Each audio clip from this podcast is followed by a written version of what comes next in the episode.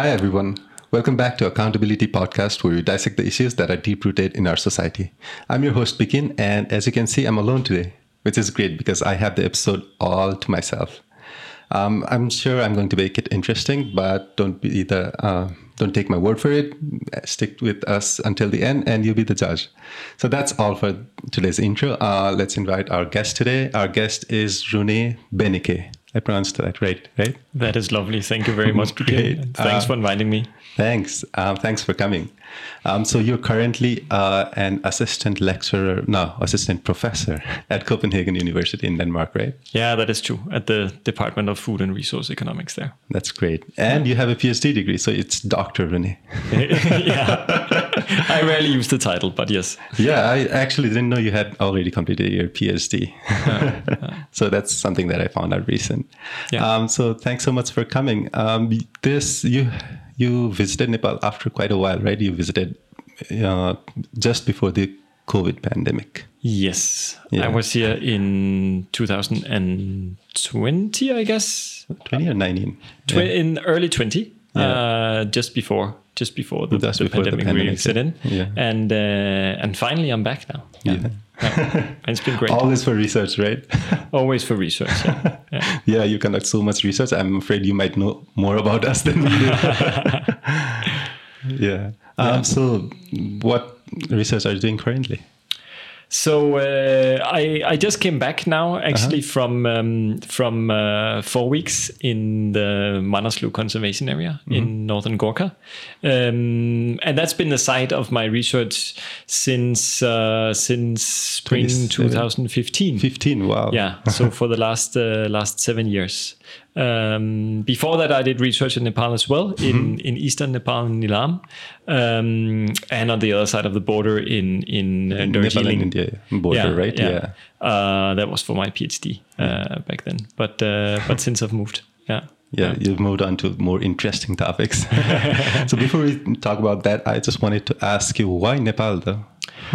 Oh yeah, that could be there. There are longer and shorter versions of that story, I guess. Let's but, go with shorter. We don't okay. really yeah. Um, well, uh, I've been coming to Nepal since uh, 2007, mm-hmm. um, and. Uh, due to a long rate of coincidences, uh, this was the place I ended up uh, as an intern while I was doing my master's degree in, mm-hmm. in political science mm-hmm. uh, from Copenhagen. Um, and I came and was an intern with the with the Danish uh, embassy mm-hmm. um, and the Danish development assistance. Mm-hmm. Um, and uh, eventually met your boss Naren uh, yeah. there, uh, and became acquainted with with uh, with him, uh, which was great. Uh, he came along during my PhD research later yeah, on. he was so your assistant. Yeah. yeah so I guess since, since, then, um, you know, Nepal stuck with me. I guess once I came back, I had to write my master thesis, and it was obviously why why shouldn't I write about something that I felt I I knew a little bit about? I'd been here for nine months, and mm-hmm. I've been mm-hmm. working, and it was a very interesting time. It was a time, you know, after the peace accord, mm-hmm. uh, at the time where all the politicians were juggling for for places in the Constituent Assembly, and eventually the, the Constituent Assembly elections happened while yeah. I was here. Right. Uh, yeah. In the meantime, the the size of the Constituent Assembly had expanded dramatically. Right. Yeah. Um, and there was this whole ferment going on uh, politically about uh, different groups wanting to influence what was what mm-hmm. would eventually go into the Constitution. Yeah, it must have been an interesting time, though. Very interesting for sure. yeah, yeah. So I've been working with Nepal ever since, basically. Yeah, you've been working in Nepal longer than I've been working in Nepal. so yeah, you do a lot of research, right?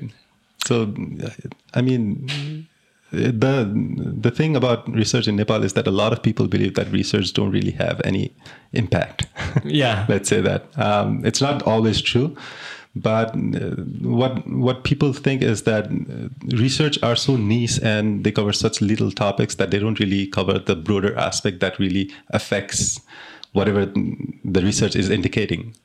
And that's why I wanted to know: is research really effective in Nepal and all around the world as well? yeah, yeah, that's a great question. Um, I think um, you have to think about impact at, at very different different levels and mm-hmm. time scales right? And and i don't i don't pretend that the work i do has any immediate impact at all right? Mm-hmm. research is slow. Mm-hmm. Publication processes are slow. Yep, and absolutely. part of what you publish very few people read it right uh, so uh, so these things take take time to trickle down and and actually have an effect. But i do think that that knowledge production is important and i see myself as primarily a, a, a producer of knowledge right? And my responsibility is being producing the most you know um, in-depth and comprehensive knowledge that i can manage to do so I think uh, I think part of the benefit that that kind of knowledge production has is uh, well one of the main things is mainly I guess dispelling um, you know ideas we have about the world that might not be true. Things we think we know but maybe it's not really true anyway. Yeah. um, and I think that that sort of so you're saying what sort of impact research has in in Nepal that well it, it reminds me of one of my experiences now when I was in in the in the Manaslu mountains just here. And and my main research assistant up there she was saying well um, it was getting harder and harder to ask questions to people because people are kind of fed up with people coming asking them how many cows they have, how many chickens they have, what much land they have, and that sort of stuff. Uh, and of course, part of that falls back on people like me, on researchers, and, and, and what we do and our internal coordination. But I also realized that it's not just people like me that come and ask questions. Uh, government comes a lot of situations. This is in a conservation area. The conservation area itself collects data. And a whole host of uh, different kinds of smaller, bigger development projects Yeah. run through different NGOs, NGOs. They also do their own little research Yeah. studies. Um, and that sort of alerted me to to the an idea that maybe there's something you know maybe there's something we're missing here right you know if you if you look at the um,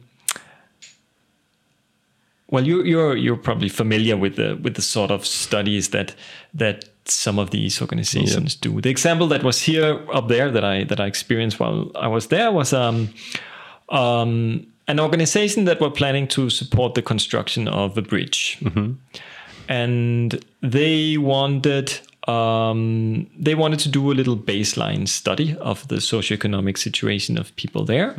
Um, and uh, so, in order to have a baseline for doing a study after building the bridge and seeing how this have impacted people's lives, uh, and I think that was like so many other studies uh, designed with a very narrow scope. You know like impact assessments are like like the, it serving just the purpose of this particular project.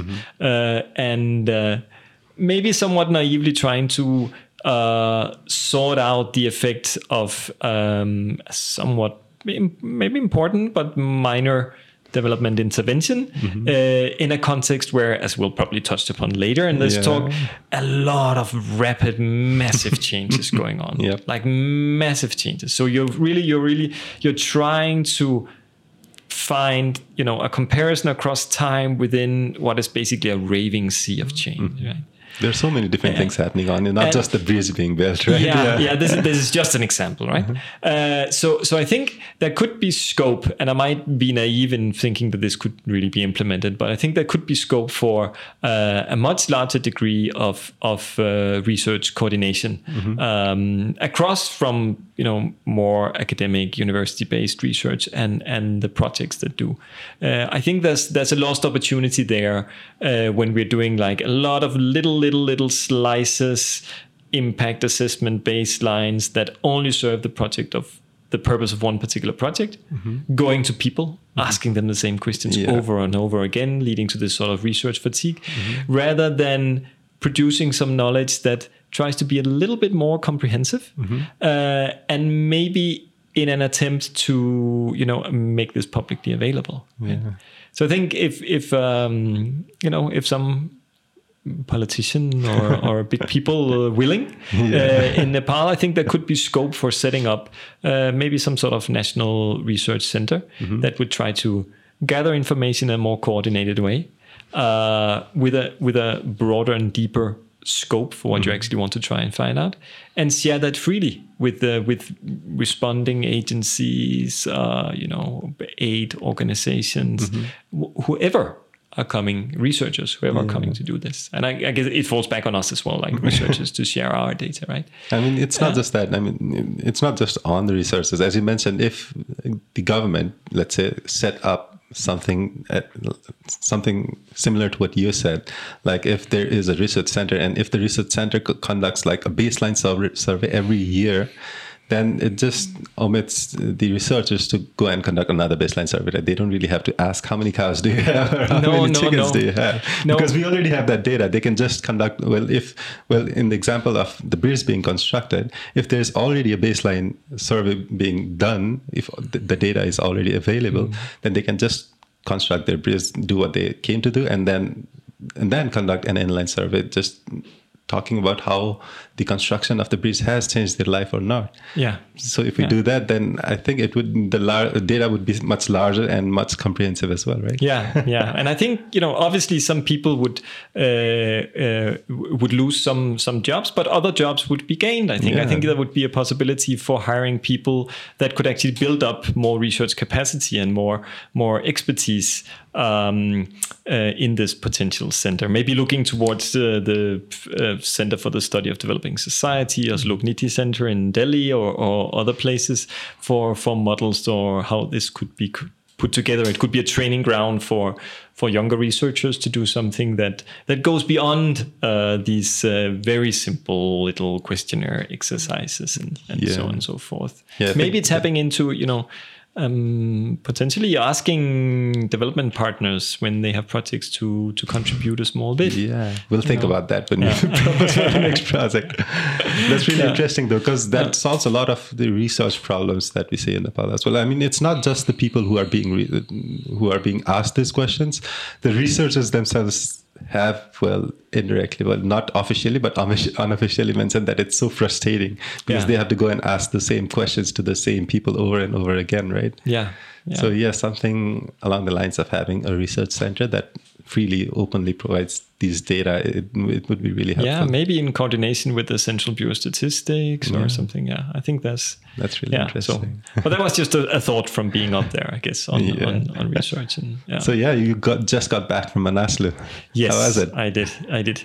It was it was lovely. Uh, four four lovely weeks up there. Yeah, Um, I, I just saw the video that you showed me before this recording. I was scared, man. The road is so scary up there. yeah, yeah. Coming down was uh, was a bit tricky there. It's it's um, not the best season to be traveling in the mountains, I guess. But once you're there, of course, it's lovely. The temperatures are a little bit more uh, milder than here Milder in Kathmandu the moment. yeah. yeah. Yeah, it should be beautiful though, because the mountain area is always Mm. really great. yeah. Yeah, your research is quite vast, but something specific that I was personally interested in was about how the anticipation of tourism and development changes the lifestyle of people in Manaslu specifically that you've done, right? Yeah. That I read your policy paper as well. It was like three policy draft brief, right? Uh, policy Yeah. brief. It was three pages, and I learned so much about it from three pages. So I just wanted to talk to you about that as well. I mean, how much does uh, the anticipation of tourism, let's start with that, changes the lifestyle of people? Yeah, that's that's one of the things I've been trying to address. I guess one of my reasons initially in back in 2015 for going to the Manaslu conservation area and starting up a new field site there uh, was basically this whole idea uh, of Manaslu becoming what you know entrepreneurs would say the next Annapurna, right? The next big trekking destination. The next. Annapurna, yeah. yeah. And and if you look at the numbers, becoming the next Annapurna is massive because uh, you know Annapurna sees maybe 75, 100 80,000. and 150,000 Oh, wow. uh, visitors a year. And Manaslu peaked out a couple of years ago at like 7,000, right? Oh, wow. So, uh, so that that that whole idea, uh, I got quite interested in that. That whole idea of sort of a, a future boom. Uh, how does that idea of the future affect action and thought in the present? You know, how do people try to speculatively engage, to preemptively act in relation to that? Um, and uh, and and and when I then started doing the research, I could see how many other things that were changing in the same time, how all that fit into um, an a, a very um, what do you say? A very volatile kind of uh, development trajectory or a very complicated complex development uh, with a lot of different things interacting in different ways right?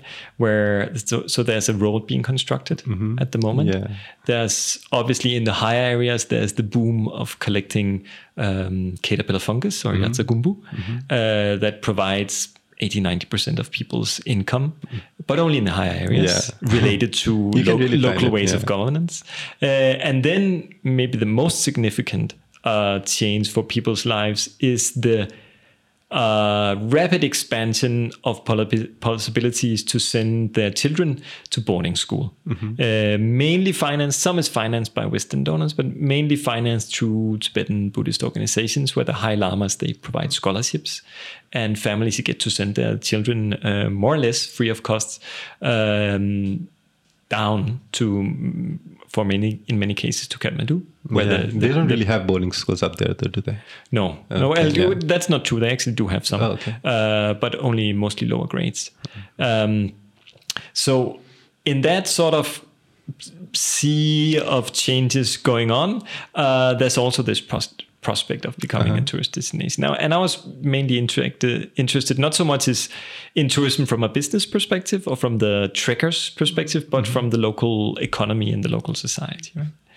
So. Um, so I could see how people were uh, indeed reacting sort of in anticipation of this boom. Like uh, um, what I write about is partly about moral economies and how the morality of what to do is maybe sliding, changing, being reinterpreted in ways where for some tourism is problematic because they say it brings gambling, it brings a lot of problems, it brings um, people who want to consume meat so that animals will be killed, uh, which is uh, which you shouldn't do there because it's a it's a it's a sacred Buddhist valley. It's one of the it's a Beyul Kyimolung. It's called. It's one of the uh, valleys that was um, identified and and protected um, by uh, by Guru Rinpoche or Padmasambhava himself. Right? Uh, so, um, but for others, that seemed to be this sort of idea that well, you have to invest now, right? Because the boom is coming, and that's the only sensible thing to do. Uh, and that results in people investing uh, through. You're here. Here, you're in an area where people you you can't go to the bank. There are no banks. You can't Yeah. you can't get banks loans because no banks want to come and assess uh, your securities or Yeah, anything for that. exactly. So so they invest uh, money from being guides earlier, money from collecting yartsa gunbu if you're in an area where you can do that, and very often taking loans from friends and relatives, sometimes at very high rates, Yeah. uh, to construct lodges. Lodges mostly, yeah. yeah, yeah.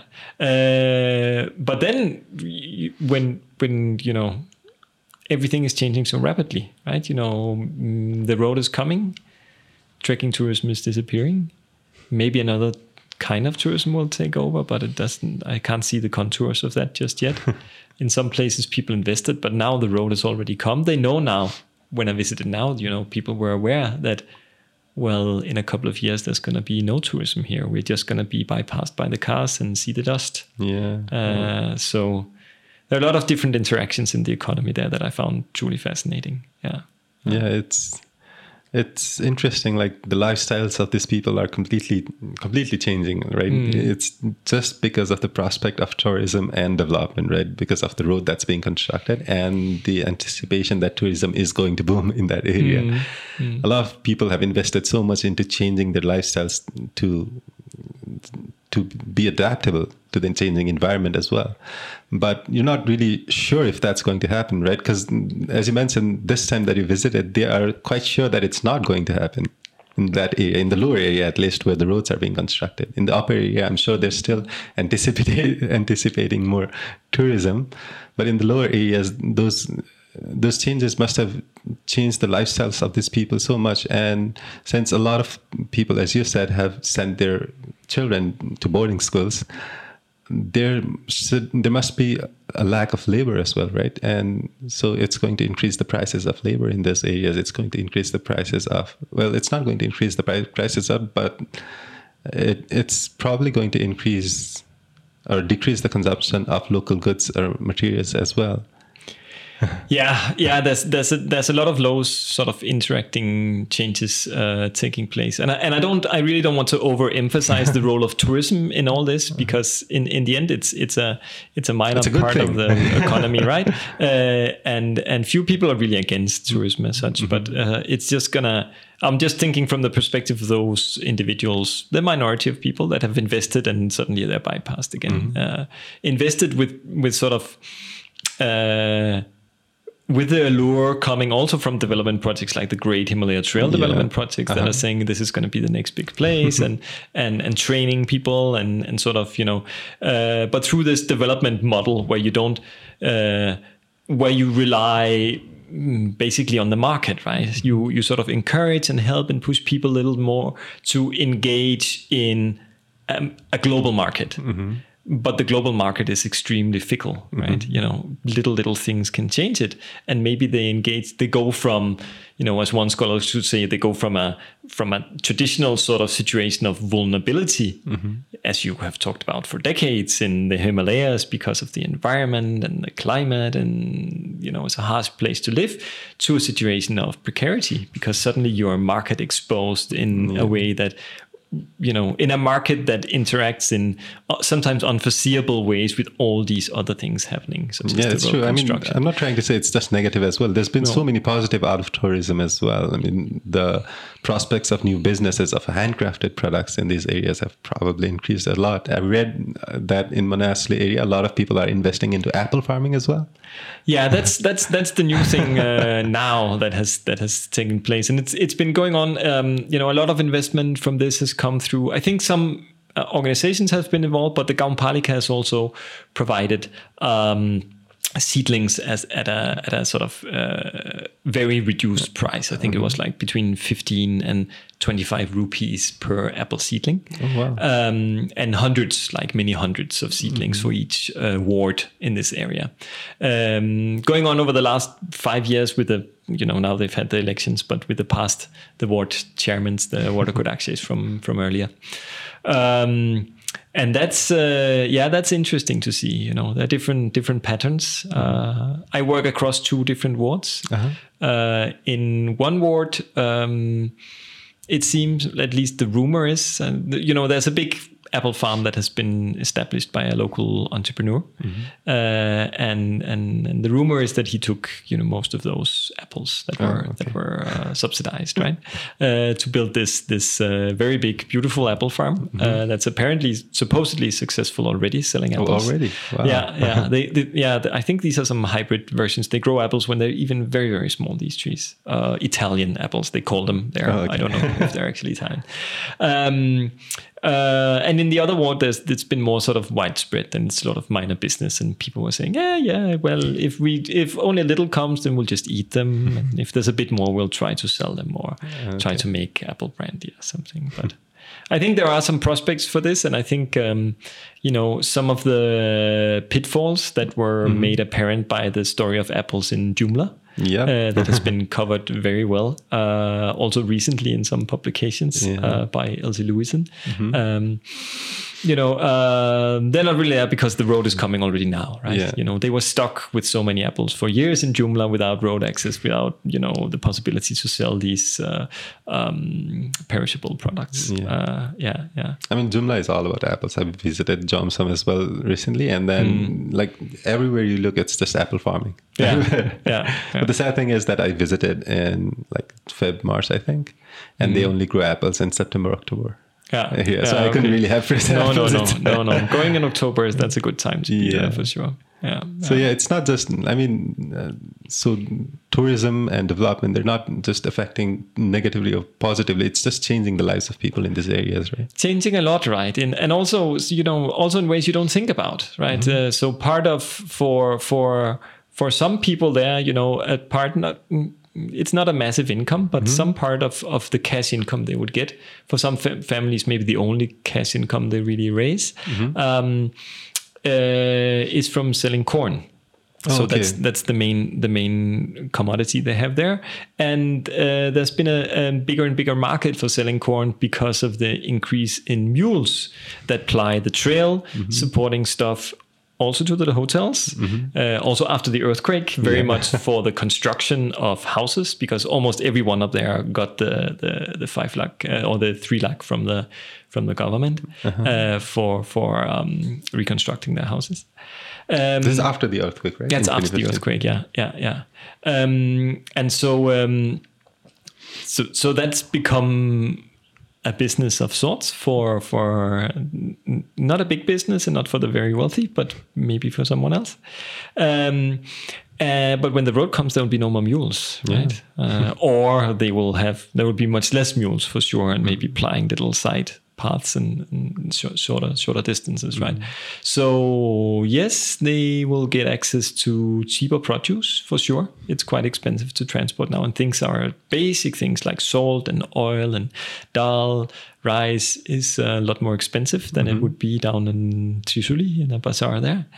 Uh, but uh, on the other hand, they're not going to be able to sell their corn anymore. Yeah, right? that's true. that's the argument for some of the people that say now let's grow apples because they're saying when the road comes, you can't sell your corn anymore, yeah. and nobody wants to eat it anymore.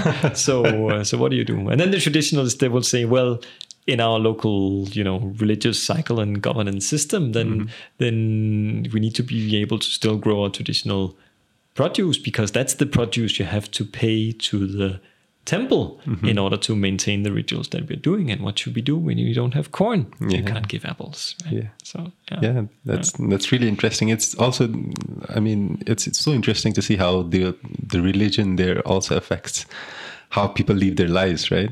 Mm. I mean, a lot of people up there are Buddhism, uh, are Buddhists, right? And they follow the Buddhism religion, and the religion pl- plays a lot of role in governing these villages, these areas, these people, how they live their lives as well, right? And there are, well, there are legal ways of doing things and there are religious ways of doing things. So how mm. do hmm. they both interact in these areas?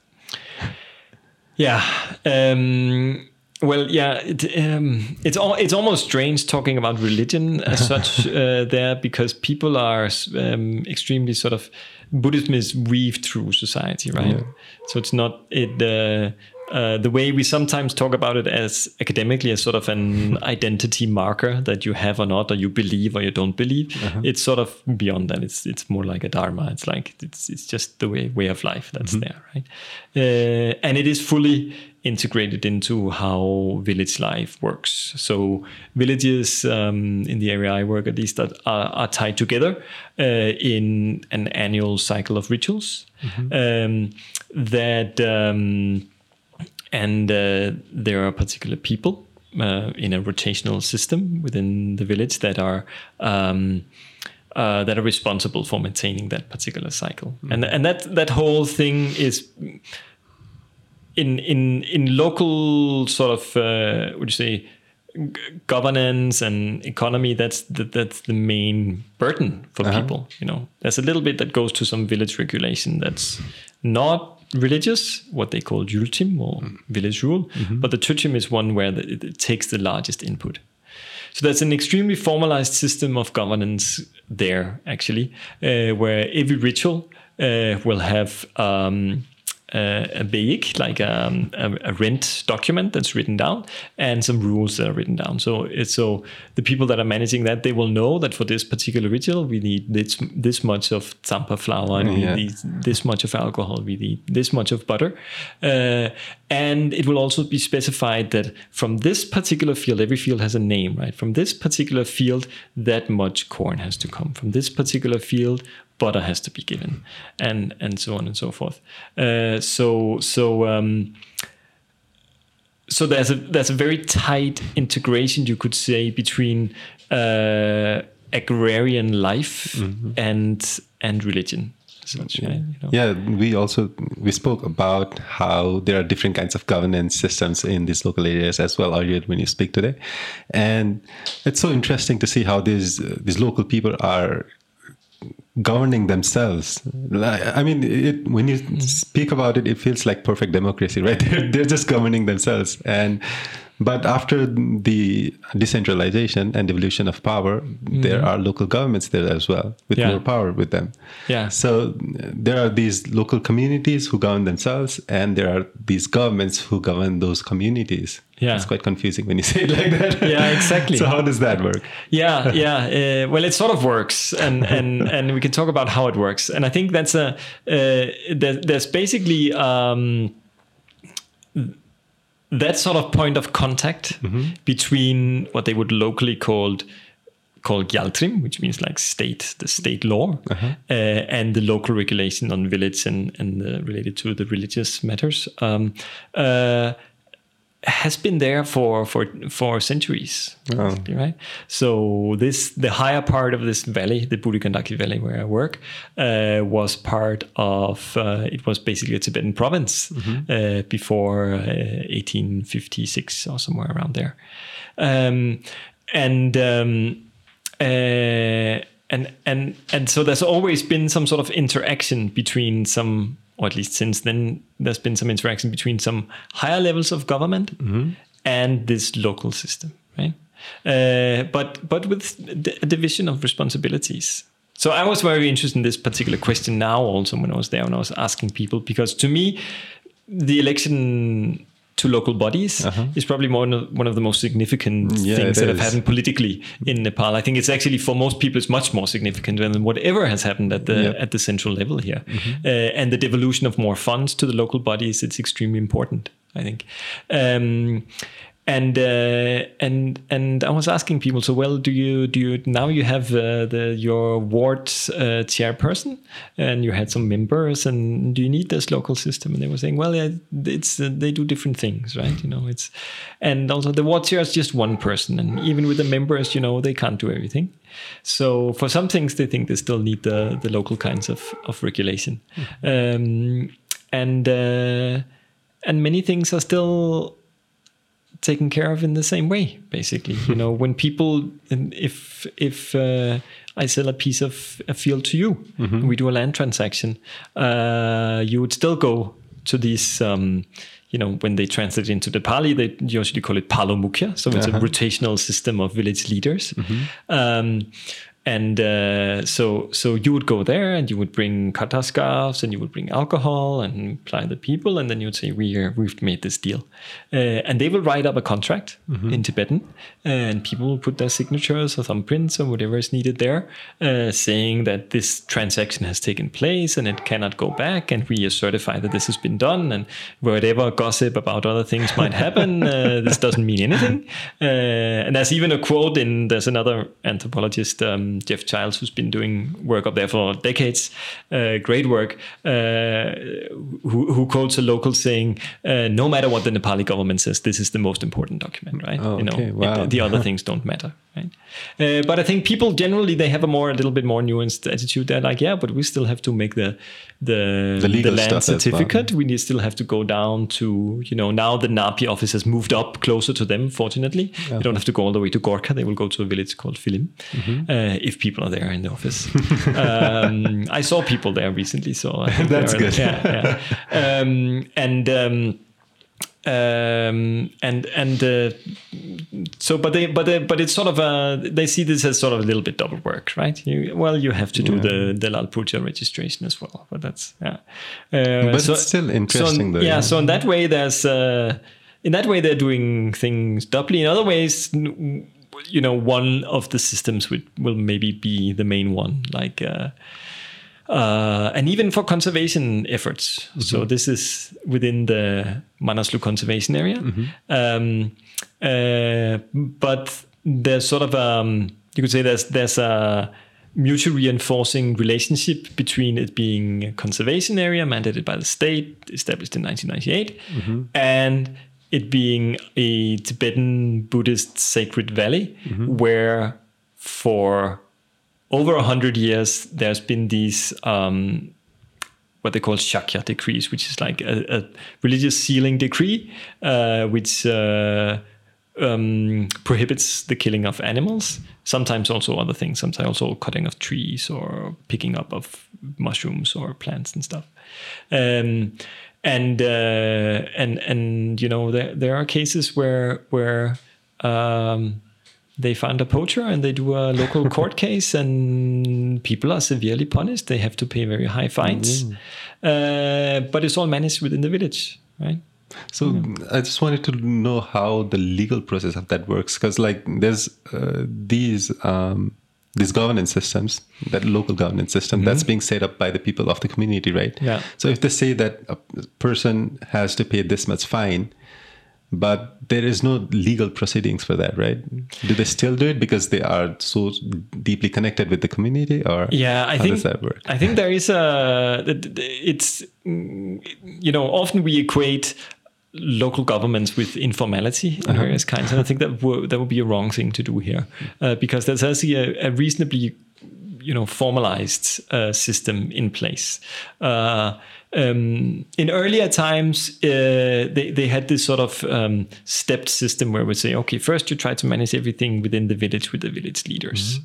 and if you can't manage there, if you know somehow you can't come to an agreement and the, the person accused will not accept the fine or, or then we will have to move so we move to uh, the, the local cluster of villages and mm-hmm. we have village representatives for all the local cluster of villages and we meet at that level and then we try to settle it and if we can't settle it there then we will take the whole you know from the whole valley the whole they had different geographical you know delineations at different times and everybody will meet and then we'll manage right now it's more sort of two tiers, as far as I understand the way these these sort of situations have been handled. Mm-hmm. Uh, so you have like um, you have people trying to manage within the village, but very often it's with it's actually with reference to the state. It's actually saying, well, now we're gonna man- we can manage it here, or we can send you to the police. Oh, okay. Yeah.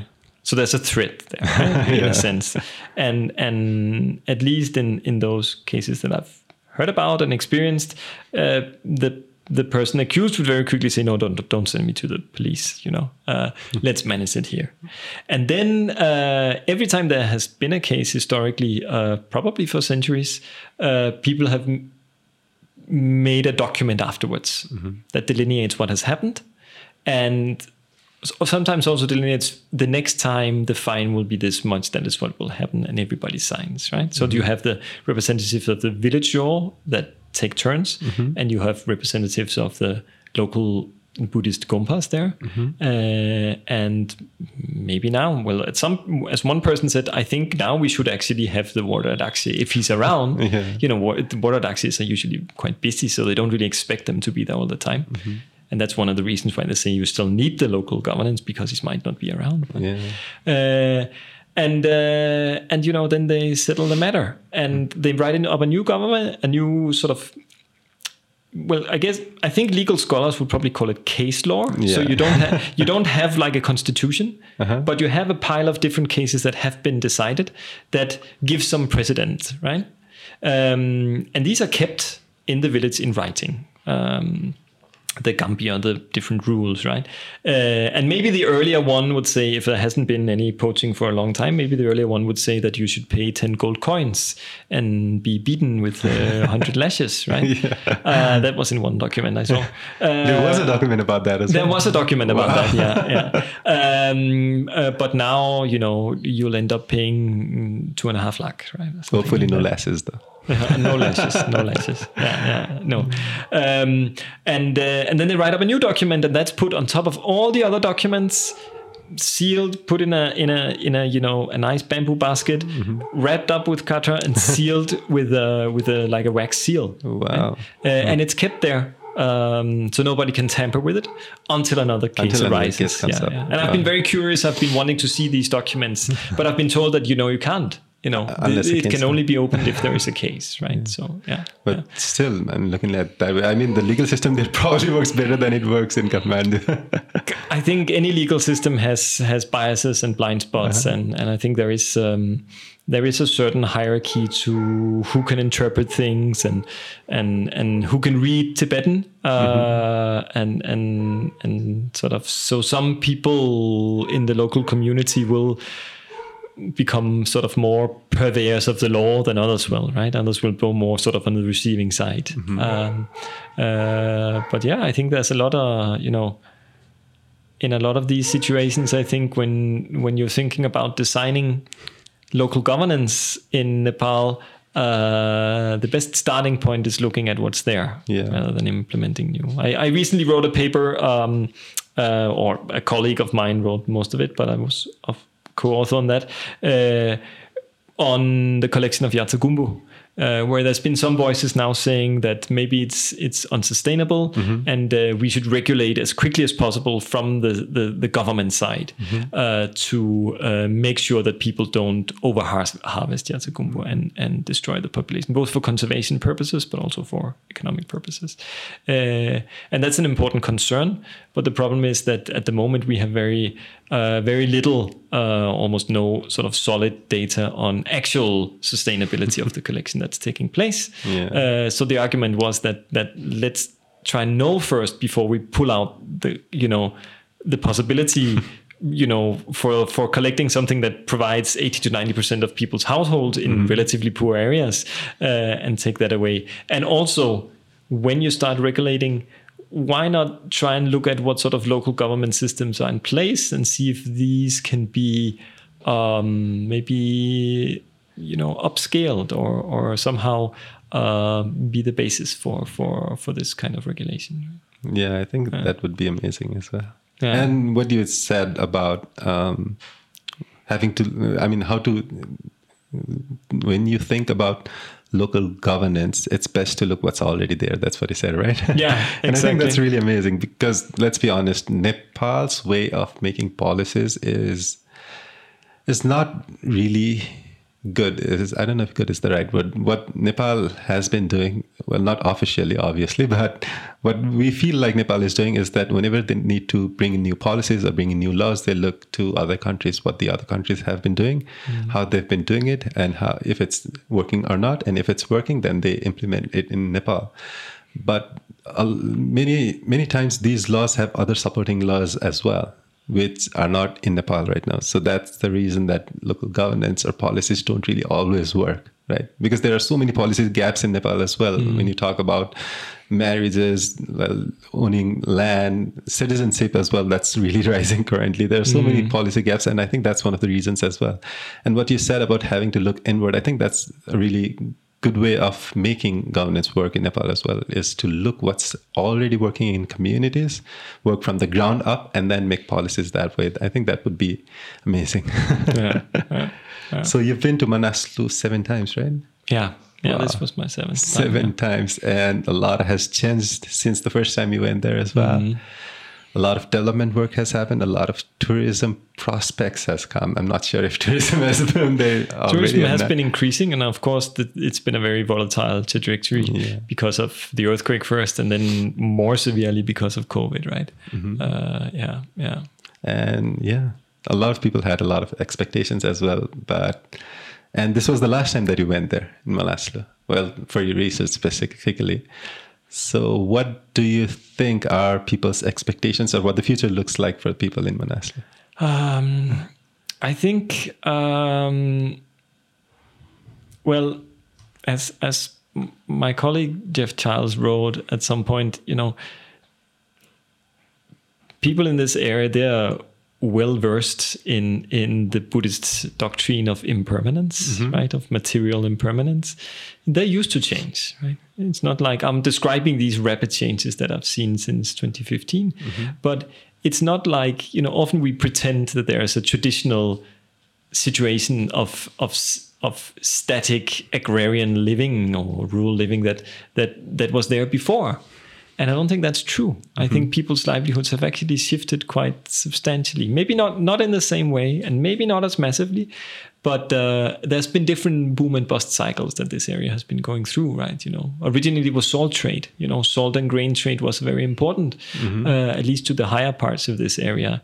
Uh, when that after China went into uh, Tibet and and um, borders were closed and with the increasing availability of salt from India coming up through increasing you know infrastructures into the mountains, Mm-hmm. uh, that business was undercut. But then, you know, st- construction work was going on in Tibet, and um, people were felling trees and exporting timber. So the, a, a- a timber export took over, uh, illicit timber export, uh, and there was, I think, there's a Nepali documentary on that at some point from from the Burigandaki uh, about the problems with that uh, deforestation due to, to to that, and and and slowly, slowly, also through the work of the Manaslu Conservation Area project, uh, that has been, I think, now totally stopped, basically, uh, and forest is regrowing in many places, um, and then the yartsa gunbu took over. For some, not for everyone, right? And that's where the local governance come in, comes in again, Yeah. because I think if if you look at the Nepali legal statutes, then uh, I don't think there's any legal basis for keeping other Nepalis away from the areas where you can pick yartsa gunbu. Yeah. I think it, it would no be per- from the yeah. in the perspective of the state, it would be perfectly legal Mm-hmm. for someone from Kathmandu or for someone even d- lower down the same valley Yeah. to go up to the higher grazing grounds and pick this, you know, picking money as some of them call it. Really expensive Yes, stuff. right? yes, more than ten thousand dollars per kilo, right? Wow, At the first level Yeah. in the value chain to the collector, right? Um, so, uh, but that doesn't happen, right?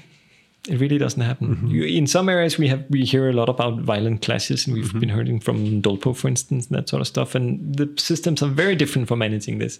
But it seems like the sort of the local ownership, not in the terms of private property, right? Because this is this is on basically because it's in a con- conservation area, it's considered government land, government owned land.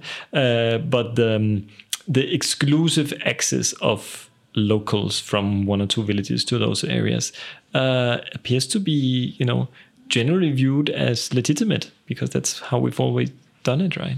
So, so uh, yeah, yeah. Yeah, it, it's going to work out. So that's that's the ultimate thing, I guess, for the people. and the road's being con- constructed, so I'm assuming trade's going to be another boom for the people up there as well. Uh, yeah, Hopefully. the road is coming, and most people They're are growing apples; they could trade apples. they could, they could, and I think uh, I, I, people are very, you know, they'll find ways. They'll find ways. Um, but life will change for Yeah. sure.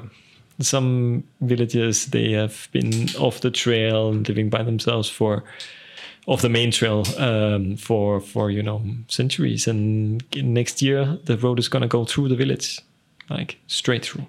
Yeah. Straight through the village. Yeah. And there's some, you know, uh, most people are very happy the road is coming. Uh, and I and I don't think like naively enthusiastic, as you sometimes hear about that roads are just generally from politicians to local people considered to be the best thing you can you can get. Uh, people have quite, I think, really pretty nuanced views about what what's going to happen. Uh, but clearly, you know, access, quick access to to uh, healthcare, hospitals if you need it, um, um, cheaper uh, local produce. Um, that's that's very important to people's lives. On the other hand, I think there there, there are concerns that you know maybe I wrote a little bit about this as well. You know, um, if it was at all possible to think a little bit about road alignment vis-a-vis cultural heritage, vis-a-vis trekking tourism potentials, uh, that would be sensible. But it seems like the the the government agencies responsible for nature conservation and tourism they often lose out uh, in in sort of the, the face off with the Department of Roads and, and the Ministry of Interior. so yeah. Yeah, there are a lot of issues that could be done better. I guess that's that's what we can say. Well, yeah, this has been really great. Thanks so much. It's been great listening to you talk about all of your experiences. When do you get to read about it, though? Oh, slowly, slowly, uh, things are coming right. We have some. Um, we have, I have a paper on the way that's that's in um, uh, that I need to revise now when I get back, which uh, which actually has some uh, numerical data on on the impact of tourism development, uh, delineating very clearly how trekking tourism is. You know, it's things that we sort of know, but we put good numbers to it. That uh, that uh, you know trekking tourism has been seen and pitched as a vehicle for regional development, but we show that locally there's a lot of spatial variation, right? You know, mm-hmm. it's only the people that have land in the right places along the main trail that actually get any money, Yeah. more or less. Mm-hmm. And there's very little automatic trickle down. Yeah. You know, the trickle down that's often assumed is not there because people they don't hire people from another household. They It's usually they within the have their household, family labor Yeah. instead, right? And and if the scale goes up, maybe they hire someone that they consider to be more to be more of an expert, someone coming from Mm-hmm. Manang as a cook or something like that. Um, uh, so we show that, and we also show that within those locations where where tourism is actually happening. Um, uh, there's still, you know, socioeconomically, there's some there are some situations of mobility. There's some quite poor people that have managed to make a lot of money, uh, or make a you know a good living at least. Uh, but in general, it's mostly the most wealthy that manage to make money from from you you know this. Most of the earnings come from um, come from hotel business, and it's only those that can invest and get that. Very little comes from employment. Uh, apart again from local governance, there's a local system of um, of uh, uh, sharing portering up to Manaslu base camp that actually creates a very very egalitarian distribution of that potential for earning among the local people. Yeah. So that's going to come out, and then eventually down the road, two three years from now, uh, the idea is to bring together all of or a substantial part of the material that I've been gathering for the last seven years uh, and publish a book on this. So Mm-hmm. Yeah. yeah, that's the prospect. Can't wait to read it. It's going to be highlighted up here. Oh, that sounds good. Yeah, I'll bring a copy next time. Yeah, great. I would love to read that as well. And yeah, it's been amazing listening to your stories and experiences. And yep, that's it. That's about the end of our episode. Thank you so much for coming in today. Lovely. Thank you so much for inviting me. And that's it for the episode, guys. Thank you so much for listening to us till the end. If you enjoyed today's episode, give us a like, leave us your comment. We'll be back with more guests in the future, hopefully with Subeksha as well. Until then, bye bye.